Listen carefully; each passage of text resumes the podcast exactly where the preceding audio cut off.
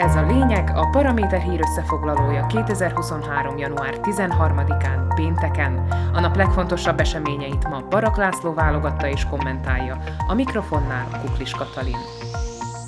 13-a plusz péntek. No és akkor most mi van? Attól függ, hogy kitől kérdezed. Aki babonás, nyilván kőre lépett, hogy ne feleljen egy ilyen szerencsétlen napon, a szkeptikusok meg például csak azért is lottózóba mentek.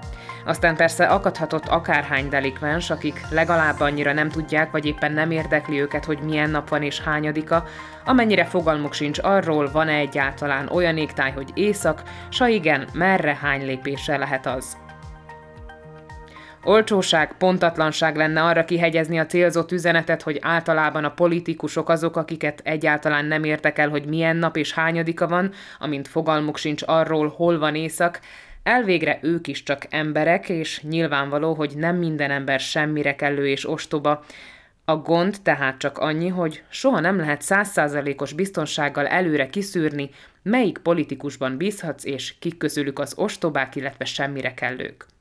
Így hát nem marad más, mint bízva bízni, pláne ha arra bíztatnak, hogy ne fizest ki a rabló rezsiszámlákat. Péntek 13-a ide vagy oda a Parlament Gazdasági Bizottságának elnöke, Peter Kremski azt találta mondani, hogy azok a vállalkozók, akiknek az évelején magas energiaszámlát állítottak ki, hamarosan korrigált számlákat kapnak, amely figyelembe veszi az árplafont. Vagyis meg kell várni a korrigált számlákat, illetve kérni kell azokat a szolgáltatóktól.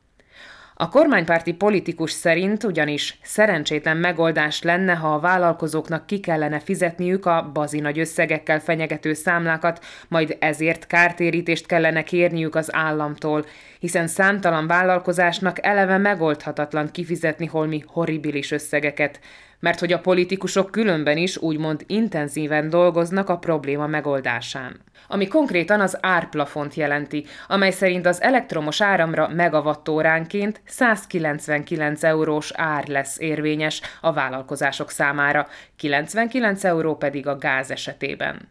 Nem semmi, csak hogy ne legyen ebből baja a szófogadó plebsnek, mármint abból, hogy hisznek egy politikusnak, miközben az egyik mérvadó szolgáltató arra figyelmeztet, hogy ha a számla hivatalos dokumentum, és ha valaki arra szólít fel, hogy tépjék szét, akkor azzal kárt okoz, na most már erre kössön csomót, aki képes, de mivel a közhely szerint a remény hal meg utoljára, tessék abban reménykedni, hogy ezúttal olyan politikussal állunk szemben, aki tudja, mit beszél.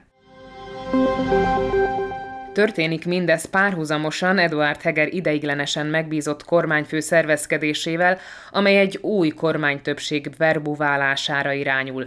Minimum 76 parlamenti képviselő szavazatáról van szó, amelyel komolyabb bajok nélkül el lehet navigálni a kormányt a választási törvényben meghatározott hivatali idejének lejártáig. Magyarán meg lehetne úszni az előrehozott időközi parlamenti választásokat. Heger szerint az Olanoban önreflexió zajlik, ám bővebben nem kívánt nyilatkozni a helyzetről, zárt ajtók mögött zajlanak ezek a folyamatok, tette hozzá. Annyit árul csak el, hogy Igor Matovics pártelnöki minőségében mostanáig nem írta alá az új parlamenti többséget, mert úgy véli, az új kormányról szóló vita helytelen irányt vesz.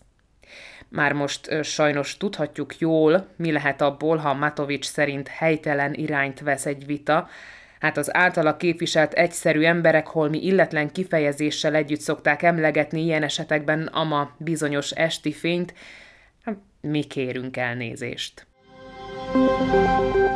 Na mindegy is, lesz, ami lesz, majd csak kiukadunk valahol, mondjuk a majdani érettségizők számára már mintha pislákolna némi fény az alagút végén. Ez lesz állítólag az első olyan év, amelyben egy héttel a szóbeli érettségi előtt nyilvánosságra hozzák azokat a feladatokat, amelyeket majd a vizsga során fognak kihúzni az érettségizők. Legalábbis erről értekezett Branislav Gröling volt oktatásügyi miniszter az Instagram oldalán, aki még tavaly júliusban, amikor még a kormányban volt, fogadta el a javaslatot.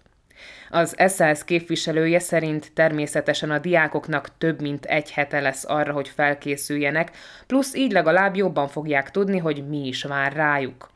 Gröling arra is figyelmeztetett, ez nem azt jelenti, hogy az utolsó pillanatban kell majd mindent bemagolni, a javaslat inkább azt szolgálja, hogy a vizsga közben a diákokat ne érje semmilyen váratlan kérdés vagy feladat. Hát nem szuper, dehogy is nem az.